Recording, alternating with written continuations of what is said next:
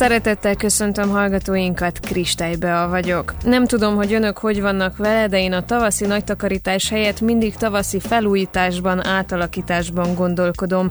Ebben az időszakban, ha tehetném, átrendezném a teljes lakást, persze általában beérem néhány szobanövény átültetésével. Nem csoda, hogy felkeltette az érdeklődésemet a Flow Kreatív Stúdió programja, amely során húsvéti dekorációkat lehet készíteni, de a tojásírást is ki lehet próbálni a következő következő időszakra meghirdetett műhelyeik egyikén. 2019-ben amolyan szerelem projektként hozta létre Patrick Florian Zsuzsanna a Flow Kreatív Stúdiót, amelynek keretében gyerekeknek és felnőtteknek egyaránt tart műhely foglalkozásokat. Elmondása szerint a barkácsolás a kitartás mellett az önbizalom érzését is erősíti, fejleszti a térlátást, kézügyességet, kreativitást, illetve remek kikapcsolódásként is szolgál. A mai ezer egy ötletben Ádám Petrik Florián Zsuzsannával, a stúdió alapítójával beszélgetünk műépítészetet tanultál, hogyha jól tudom, de butortervezéssel is foglalkozol, azon kívül készítettél tortákat jó néhány éve, marcipánból, tehát, hogy így nagyon a kreativitás, ez a fajta munka, az alkotói munka, hogy valahogy úgy, úgy mindig a sajátod volt, legalábbis nekem úgy tűnik.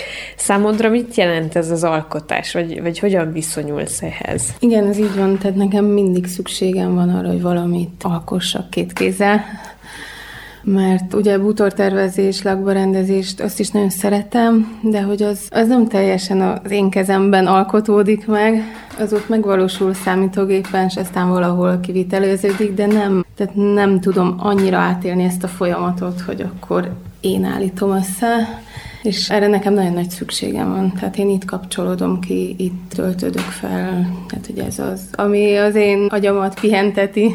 És miket készítesz, amikor nem másokat tanítasz alkotni? Hát éppen mikor mi jut eszembe, de fogast, vagy ilyen kis gyerektárgyakat, vagy múltkor volt egy ilyen ötletem, ez a fürdőkádas tálca, akkor azon dolgoztam, és mindig vannak ilyen Pinterestről lementett sok százezer fotó, és akkor mikor mi jut eszembe, akkor, hogyha bemegyünk hozzátok a lakásban, egyik hétről a másikra így megjelennek újabb kis tárgyak, kiegészítők a lakásban? Jaj, nem, nem, nem, nem, nem.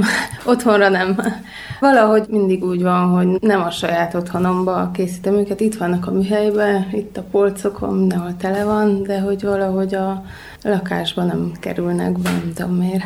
Jó, persze ott is vannak, tudom én, fogast megcsináltuk, vagy egy-egy fellépőt, egy-egy kis széket, amire szükség van, de hogy nem halmozódom. Azt mondtad egy beszélgetés során, vagy talán lehet, hogy a Flow Creative Stúdiónak a Facebook oldalának a leírásában olvastam, mert nem tudom, hogy úgy indult ez az egész történet, hogy szülősi szabadságod alatt rájöttél, hogy a gyerekeiddel is milyen könnyedén lehet alkotni, közösen barkácsolni, és ezt szeretted volna másoknak is ezt az élményt, tapasztalatot megmutatni. Hogyan lehet a gyerekeket bevonni egy-egy ilyen folyamatba? Igen, ez volt a... Tehát, hogy én elkezdtem bútort felújítani, és mind a ketten jöttek, hogy de én is akarok, és én is csiszolok, és én is kalapálok, és és tényleg nagyon élvezték. Szerintem nem is kell rá hajlamosság, tehát hogy gyerekek ezt nagyon élvezik, főleg amikor közösen alkothatnak a szülőkkel. Tehát én úgy érzem, hogy ennek van nagy hiánya, majd mindig úgy lepasszoljuk a gyerekeket, hogy na menj el egy ilyen foglalkozás, oda bedobjuk, és addig jé, van 10 percem szabad, vagy egy óra, de hogy maga ez a közös alkotás, ez nagyon hasznos. És a gyerekek szerintem még jobban élvezik, mint a szülők. Tehát, hogy ráfigyel a szülő, nem telefonozik, vele foglalkozik, megengedi, hogy kalapáljon, vagy rácsapjon az ujjára. Együtt alakítanak ki valamit, amit utána hazavisznek, és hogy wow, ez milyen magány. Igen, ez, hogy odaadni a gyereknek a kalapácsot, vagy hagyni, hogy megpróbáljon fűrészelni, az valahogy így kimaradt, tehát hogy már nem feltétlenül akarjuk, vagy, vagy nem feltétlenül merjük engedni a gyerekeket. Milyen folyamatokba lehet őket bevonni, nyilván korosztálytól is függ. És nincs is meg rá a lehetőség, mert ugye azért nagy tömbházba lakunk, most nem fogunk a nappaliba nekiállni fűrészelni, tehát Régen ennek megvolt egy ilyen lehetősége, hogy akkor az udvaron megjavítottunk valamit, vagy nagytatának volt egy helye, ahol megjavítottak valamit, de hogy erre most már nincs lehetőség. viszont nagyon fontos. Hogy mennyire lehet bevonni őket, ezt is gyereke válogatja, de van olyan gyermek, amelyik nagyon merész és nagyon ügyesen kezeli a szerszámokat, és fűrészsel, és tényleg szó nélkül elvégez bármit, és akkor bátrabban bízzuk rá az ilyen feladatokat, vagy van, aki nagyon fél. Na, viszont neki meg még fontosabb, hogy rábízzuk, hogy egy kis önbizalmat szerezzen, hogy higgye el, hogy meg tudja csinálni. Persze segítünk, ott vagyunk mellette, fogjuk a kezét, vigyázunk, tehát ez nagyon fontos, de, de szükségük van rá, hogy elhiggyék magukról, hogy meg tudják csinálni a foglalkozásaitokon készítettek kisebb tárgyakat is, akár lakásdíszeket, de láttam a képeiteken játékokat is, viszont egészen nagy lakberendezési eszközöket, akár kicsi széket, vagy, vagy akár kisebb tálakat is készítettek gyerekekkel is, és ezeknek az elkészítéséhez azért kell egy adag türelem, főleg, hogyha beszélünk például a csíszolásról. Azt szoktam a leghamarabb megunni, és a leggyorsabban befejezni, hogy ez legyen meg, hogy hogyan viszonyulnak ehhez a kisebbek? Hát igen, pont ez a csíszolás, ez az, ami mindig nehezen megy, főleg úgy van, hogy ugye először le kell csíszolni, mielőtt összerakod, aztán le kell csíszolni, miután összerakod, és akkor mindig ez a poén benne, hogy akkor még csíszolni, még csíszolni, még csíszolni. Ez is gyereke válogatja, van, aki nagyon türelmesen végigcsinálja, van, aki két percenként jön és kéri, de jól van, most már jól van, de most már tényleg megvan. Hát persze segítünk, meg vannak csiszológépeink, és akkor ugye kicsit könnyebb, akkor ott vagyunk, és megoldjuk, hogy jó legyen, hogy ne unják meg azért, ne utálják meg, élvezzék a folyamatot. De tényleg igen, összeraktunk már teljes polcot is, jó, ahhoz viszonylag több idő kell, de de megcsinálták, és nagyon boldogok voltak vele. Maga az alkotással töltött idő, úgy gondolom, egy nagyon nagy élmény, vagy egy nagyon nagy tapasztalat, nekem mindenképpen az. Viszont, hogy látod, mit tanul egy 9-10 éves gyerek egy ilyen folyamatból? Ami most a legnagyobb probléma a gyerekeknél, én úgy látom azt, hogy nem tudnak elmerülni egy-egy folyamatban, tehát hogy mindent olyan gyorsan szeretnének Ugye a számítógépes játékokban mindent gyorsan megkapnak, hogy egy kicsit vár, és akkor már lett egyből plusz élete. És például egy ilyen barkácsolás folyamatban nem így működik. És nagyon fontos kitartónak lenni, tehát nem lehet két szeget beütni, és kész van. Tehát végig kell vinni ezt a folyamatot, pont csiszolástól, után fúrunk, után ragasztunk, szegezünk, megvárjuk, amíg megszárad, és nem készül el öt perc alatt. Ez a folyamat, hogy valaminek meg kell adni a módját. Ez az, ami nagyon fontos. Meg ugye nagyon, nagyon bizalomnövelő egy-egy ilyen folyamat, mert ugye a gyerekek nem hiszik el magukról, hogy ők képesek megcsinálni egy széket. Tehát, hogy ez tényleg így minden workshop végén van egy olyan, jé, ezt tényleg én csináltam, és ezt tényleg én egyedül, és akkor erre nagyon fogok vigyázni, és ugye teljesen más értéke van otthon is annak a darabnak, meg ugye mondom tényleg az önbizalom növelése gyermekekben, ugye fejleszt térlátást, kézügyességet, kreativitást, tehát hogy ez mind benne van. Most így a közeljövőben április folyamán több foglalkozást is tartotok. A következő hetekben például a húsvétra való készülésről fog ez szólni. Mit fogtok készíteni? Igen, a húsvét az egy jó alkalom.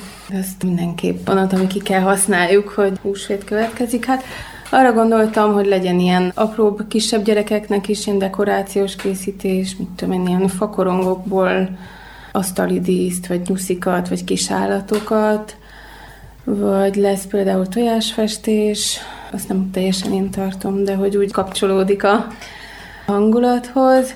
Mindenképp szeretnénk, volt egy ilyen nyuszis ládánk, amivel lehet tojást gyűjtögetni, vagy egy ilyen tojás alakú polcot, úgy gondolom, hogy húsvéthoz akkor legyen valami nyuszis vagy tojásos. Barkácsolás, ez egy olyan hosszabb folyamat, amit a nulláról kezdünk, és akkor a gyerekek maguk készítik el vágásban segítünk, de hogy ők maguk készítik el nullától ától zéig a kis elemet. És készültünk egy táborral, mert annak a nyáron nagyon nagy sikere volt ez a napközis tábornak, és most, hogy tavaszi vakáció van, és lehet kint is lenni az udvaron, gondoltuk, hogy próbáljunk meg egy második szakaszát ennek a tábornak. Itt is több tárgyat lehet választani. Mondod, hogy nulláról készülnek ezek a tárgyak, vagy eszközök, játékok. A tervezésben is részt vesznek a gyerekek? Tehát, hogy egy tárgynak a kitalálásában? Nem a teljes kitalálásban, de mindig hagyunk nekik egy részt, amit, amit ők találnak ki. Például van egy tárolódoboz, akkor annak ugye három része egyforma, de hogy a negyediket az személyre szabhatja, hogy mit tudom én, fület vág rá, vagy kis autót vág a tetejére, és akkor így megmutatjuk azt is, hogy hogy kell mérni, hogy kell használni egy vinklit, vagy mi az, amire kell figyelni, mikor leméret, hogy mit kell megtartani, és akkor utána ő kivágja szépen formára, megrajzolja, és kivágja azt a, ezt a részt. De például fogasnál abszolút megadtuk a szabadságot, hogy ők tervezzék meg. Milyen anyagokat használtok? Tehát, hogy a fa, azt gondolom, az egy alap. A fa az alap, igen, és én nagyon szeretek figyelni arra, hogy csupa természetes anyagokat használjunk. Úgyhogy úgy próbálom összeválogatni a kiegészítőket is. Jó, hát persze, amit lehet, hogy természetes anyagokból legyenek. Ugye a festék is, tejfesték az egy teljesen természetes, környezetbarát festék, ami nekem viszont nagyon fontos, hogy a gyerekek is bátran festhetnek vele, és nem szívnak be semmilyen mérgező anyagot, tapicskolhat, bőrüknek sem árt.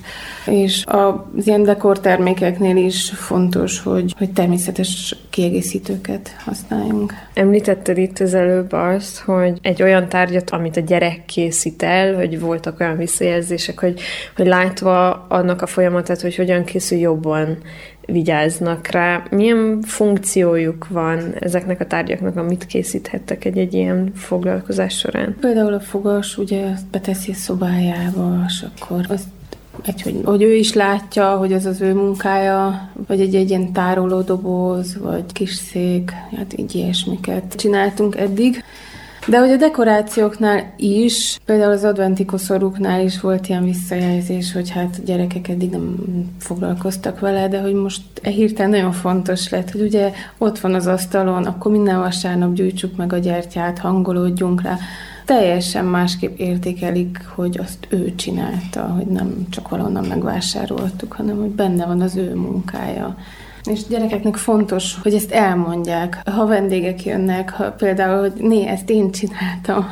A sikerélményen kívül szerinted fontos az is, hogy így egy kicsit így rá ébredjenek arra, hogy, hogy ők képesek létrehozni dolgokat? Vagy egyáltalán a kézművességnek a, hát népszerűsítése, most nem tudok hirtelen jobb szót a gyerekek körében. Leszoktunk egy kicsit arról, hogy elkészíthetünk mi is dolgokat. Igen, nagyon fontos, hogy lássák a folyamatokat. Ugye nagyon egyszerű, megrendeljük az internetről, és megjön, és kész van. De hogy nem tudják felmérni, hogy mondjuk valaki mennyit dolgozik azon, hogy az a akármilyen tárgy elkészüljön, és akkor mérges vagyok, oda csapom a földhöz, mert úgy is tudunk venni másikat. Szerintem, hogyha ennek a folyamatát megtapasztalják, hogy azért ahhoz, hogy egy széket én megcsináljak, ahhoz kell csíszoljak egy órát, és kell fessek ennyit, és kell kalapáljak, és még mikor már nagyon unom az egészet, akkor is le kell lakozni, akkor teljesen másképp értékel szerintem nem csak azt a tárgyat, hanem a többin is elgondolkozó, hogy azért valószínűleg azt, amit az előbb oda csaptam annak a játéknak, azon is valaki dolgozott. Meg ugye szerintem mindenképp fontos a kézművességet, mindeszközt népszerűsíteni a gyerekeknél, mert nekik is szükségük van rá. Tehát, hogy ők is el vannak ebben a digitalizált világban, ők se foglalkoznak már annyira ilyesmivel, tehát jó régen nem volt más lehetőségük. Ültek, festettek, sajzoltak, játszottak, somokvárat építettek, de hogy most már nagyon nagy a késztetés arra, hogy beülnek egy telefon mögé, és akkor vannak egész nap. Úgyhogy szerintem nagyon fontos őket bevonni ilyen tevékenységekbe. A mindennapi teendőink szélmalom harcában jó érzéssel tölthet el, ha látjuk egy folyamat végtermékét. Például, ha két óra festegetés barkácsolás után hazavihetünk egy kis széket, fürdőkát, tálcát, fogast. Ezért is izgalmas lehet részt venni felnőttként egy barkács foglalkozáson, és természetesen remek kikapcsolódást is ígér. A Flow Kreatív Stúdió gyerekeknek és felnőtteknek egyaránt hirdet műhelyfoglalkozásokat. Petrik Florian Zsuzsannával a felnőtt programokról beszélgetünk. Igen, a felnőtteknek is szüksége van a kétkezi munkára, a kétkezi alkotásra. Nekik is szükségük van, hogy, hogy kikapcsolódjanak, mert abszolút a kreativitás az egy ilyen kikapcsolódó folyamat, tehát hogy arra jó, hogy feltöltődjél, hogy kikapcsolod egy kicsit ezt a digitális, állandóan pörgő világot, hogy, hogy, hogy belemenjél a flowba, tudod, ebbe a, az érzésbe, hogy zenbe, vagy nem tudom, hogy mondjam másképp. Én, én mindig ezt élem meg, amikor ide átjövök. Igen, nekik is szükségük van, hogy átéljék ezt, hogy hogy meg tudnak valamit csinálni, mert azért ugye mi is különbözőek vagyunk, tehát nem mindenkinek volt rá lehetősége gyerekkorában, vagy akár felnőtt korában is ilyesmiket csinálni. Sokan nem is főznek. Tehát azon kívül, hogy irodában dolgoznak, nincs más elfoglaltságuk, vagy hogy mondjam, és akkor nekik például nagyon fontos, hogy egy-egy ilyen egy, egy ilyen eseményre eljöjjenek, és megtapasztalják ezeket a dolgokat.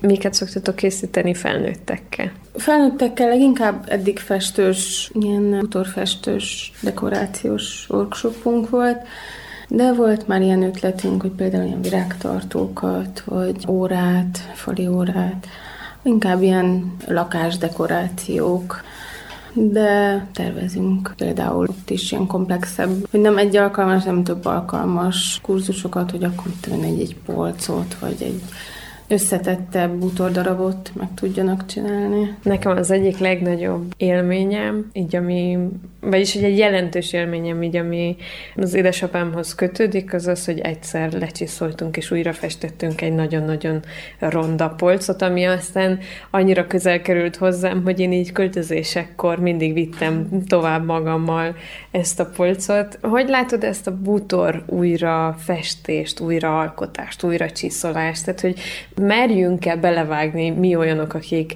hát talán egy évben egyszer, vagy egy fél életben egyszer fogunk neki egy ilyen projektnek? Persze, mindenképp. Tehát egy maga, hogy a régi bútoroknak ugye teljesen más a, az anyaga is, tehát ugye ezek nagy részt fából vannak, ami sokkal nagyobb érték, mint most ezek a rostlemez bútorok. Kettő adott, tehát nem kell megvásárolni valamit, ami új, és kidobni helyett egy másikat.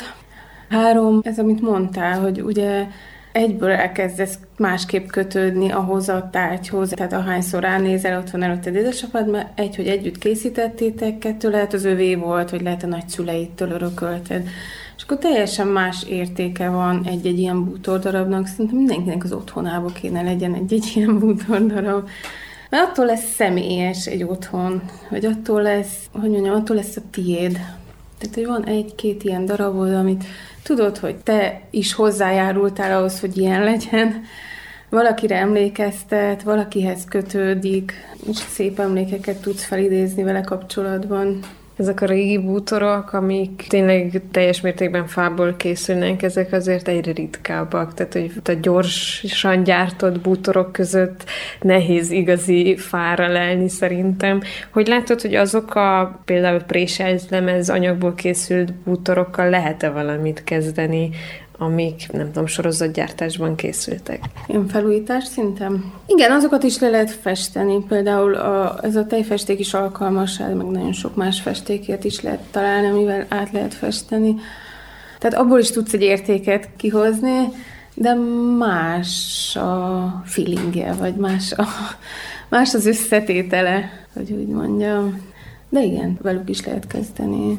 És ilyen esetben, hogyha arra döntünk, hogy akkor neki fogunk egy felújításnak, milyen lépéseket kell betartani, vagy figyelembe venni? Hát a bútor felújításnál a legfontosabb lépés a bútornak az előkészítése. Tehát nagyon jól meg kell tisztítani, zsírtalanítani kell, és át kell csiszolni.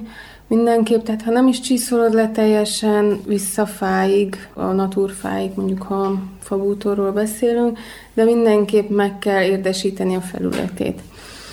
És ha megfelelően le van tisztítva, utána jöhet a festék, egy-két-három rétegben attól függ, hogy milyen festék, mennyire takar, világos vagy sötét színű, milyen hatást szeretnénk elérni. Általában minden festés réteg között ugyanúgy át kell csiszolni, át kell simogatni egy picit, hogy az érdes felületeket, vagy a, ahol több festék került, ott is kiegyenlítődjön. és akkor a festés után jöhet a felületkezelés, ami lehet lakkozás, olajozás, vakszal lehet kezelni, annak függvényében, hogy mi lesz a végső helye a bútornak, tehát például konyhában akkor egy tartósabb felületet kell biztosítani neki. Úgyhogy ez is egy elég hosszadalmas folyamat, mindenképp érdemes ráhangolódni és időt szenni.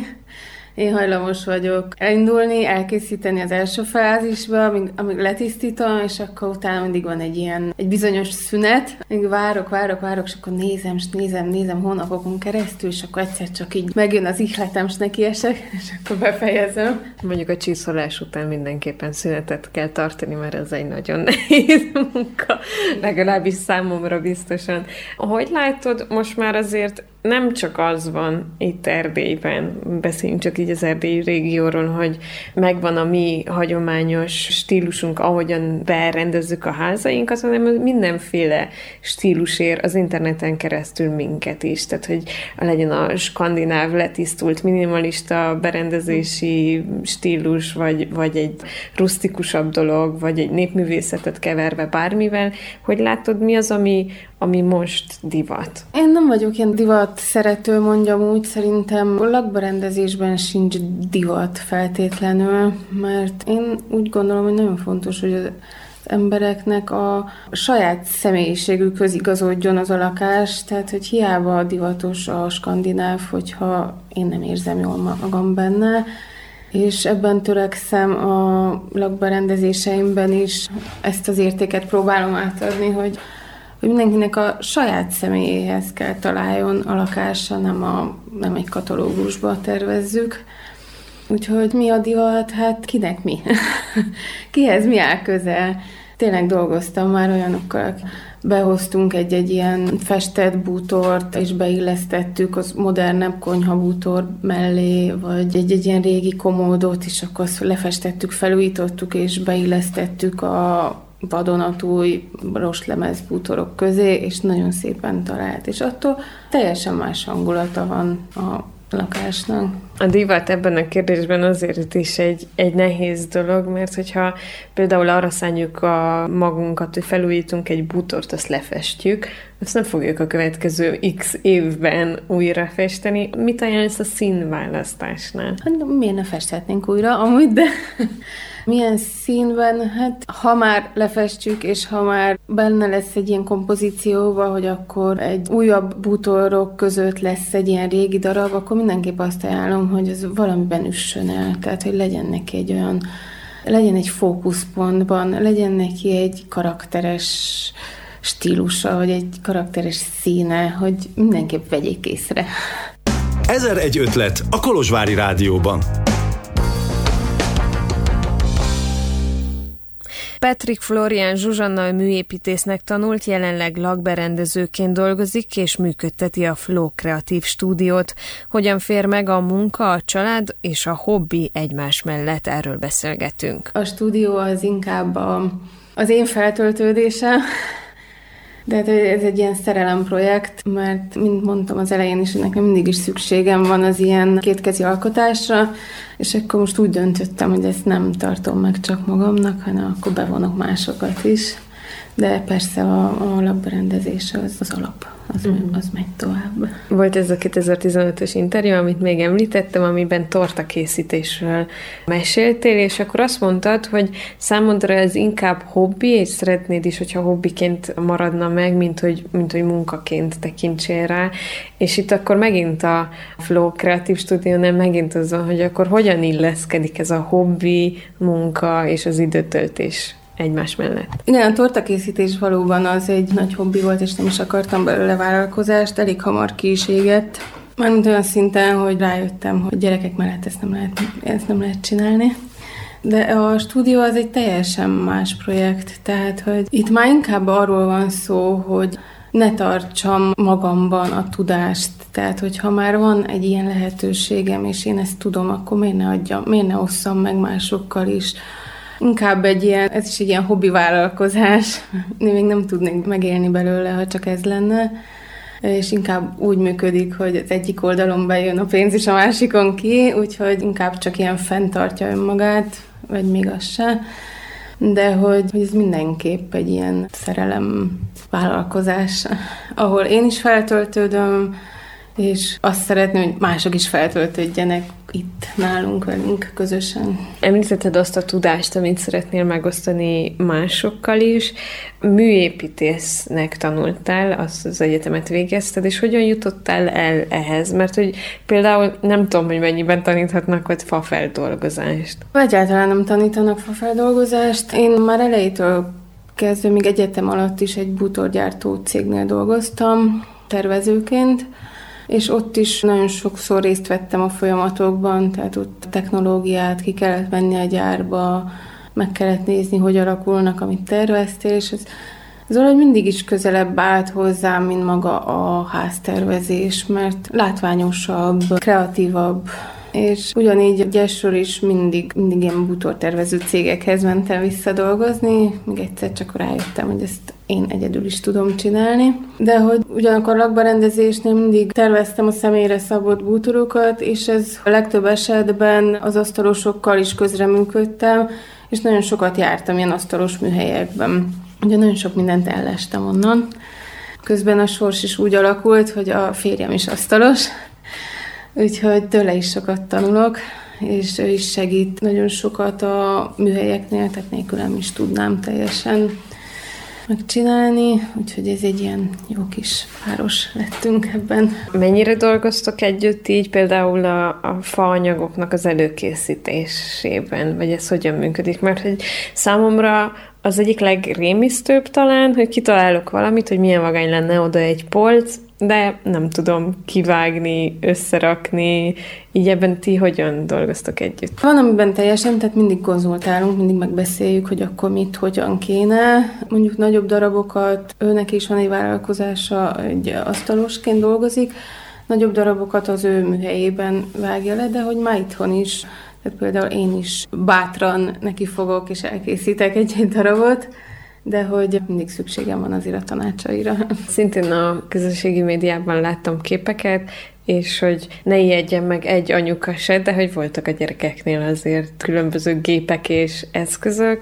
Ezzel hogyan tudnak bánni? Például egy csiszológépe, most nyilván, hogy nem egy láncfűrész, állítjátok oda hozzá őket. Nem félnek tőle. A csiszológéppel elég nehéz, bármilyen sérülést okozni lehet, tehát én is csiszoltam már le az ujjamat, de hogy nem félnek tőle, és bátorítjuk is, hogy tehát ha meg is sérül kicsit, tehát hogy nagy, nagy kárt nem tud magában tenni, ha meg is sérül, attól csak megtapasztalja, hogy, hogy igen, vannak dolgok, amikkel vigyázni kell, vagy óvatosabban kell bánni. Tehát én azt mondom, hogy, hogy mindenképp fontos az, hogy ő, ő kipróbálja, és ő használja azt a dolgot, mert nem, tehát nincs, nincs mit ártson. Furogéppel is például én is átfúrtam már az ujjamat, nem volt kellemes, de a gyerekek például sokkal ügyesebben bánnak vele. Kell tanítani őket? Most nyilván van, akinek inkább van hozzá érzéke, van olyan gyerek, akinek nincsen érzéke hozzá. Kell tanítani őket arra, hogy kreatívak legyenek, hogy merjenek tervezni, gondolkodni, vagy pedig ez még az ő korukban jön magától? Ezt is gyereke válogatja, de például igen kell. Tehát, hogy nagyon sokat kell mondani neki, hogy igen, meg tudod csinálni, ki tudod te találni.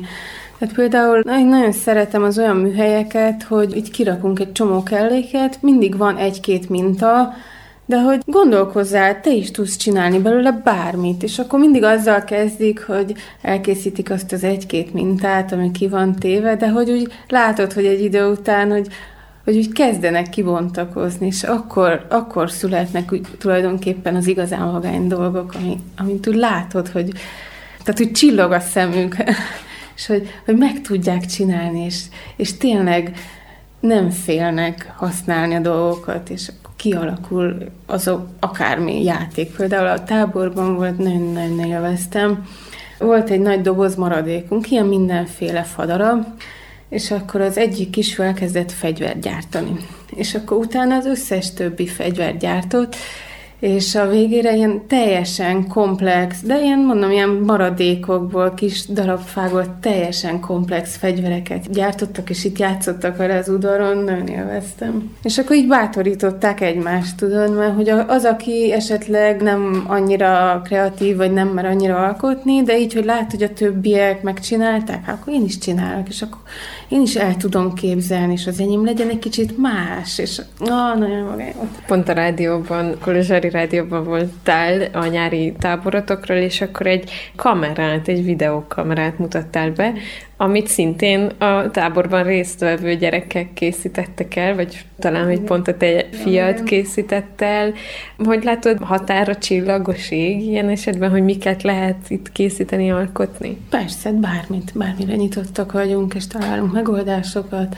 Vannak olyan gyerekek, akik nagyon kreatívak, és jönnek, hogy de nem tudsz nekem adni egy olyan, tudod, amivel ki lehet nyitni, és pont ennél a kameránál is, vagy volt egy, valaki kaput is, akkor egy zsanér miért, és hogy de hozzá, de hogy és nem mindig van ugye készleten, és akkor megígértem, hogy következő alkalomra hozunk, és akkor olyan boldogok voltak.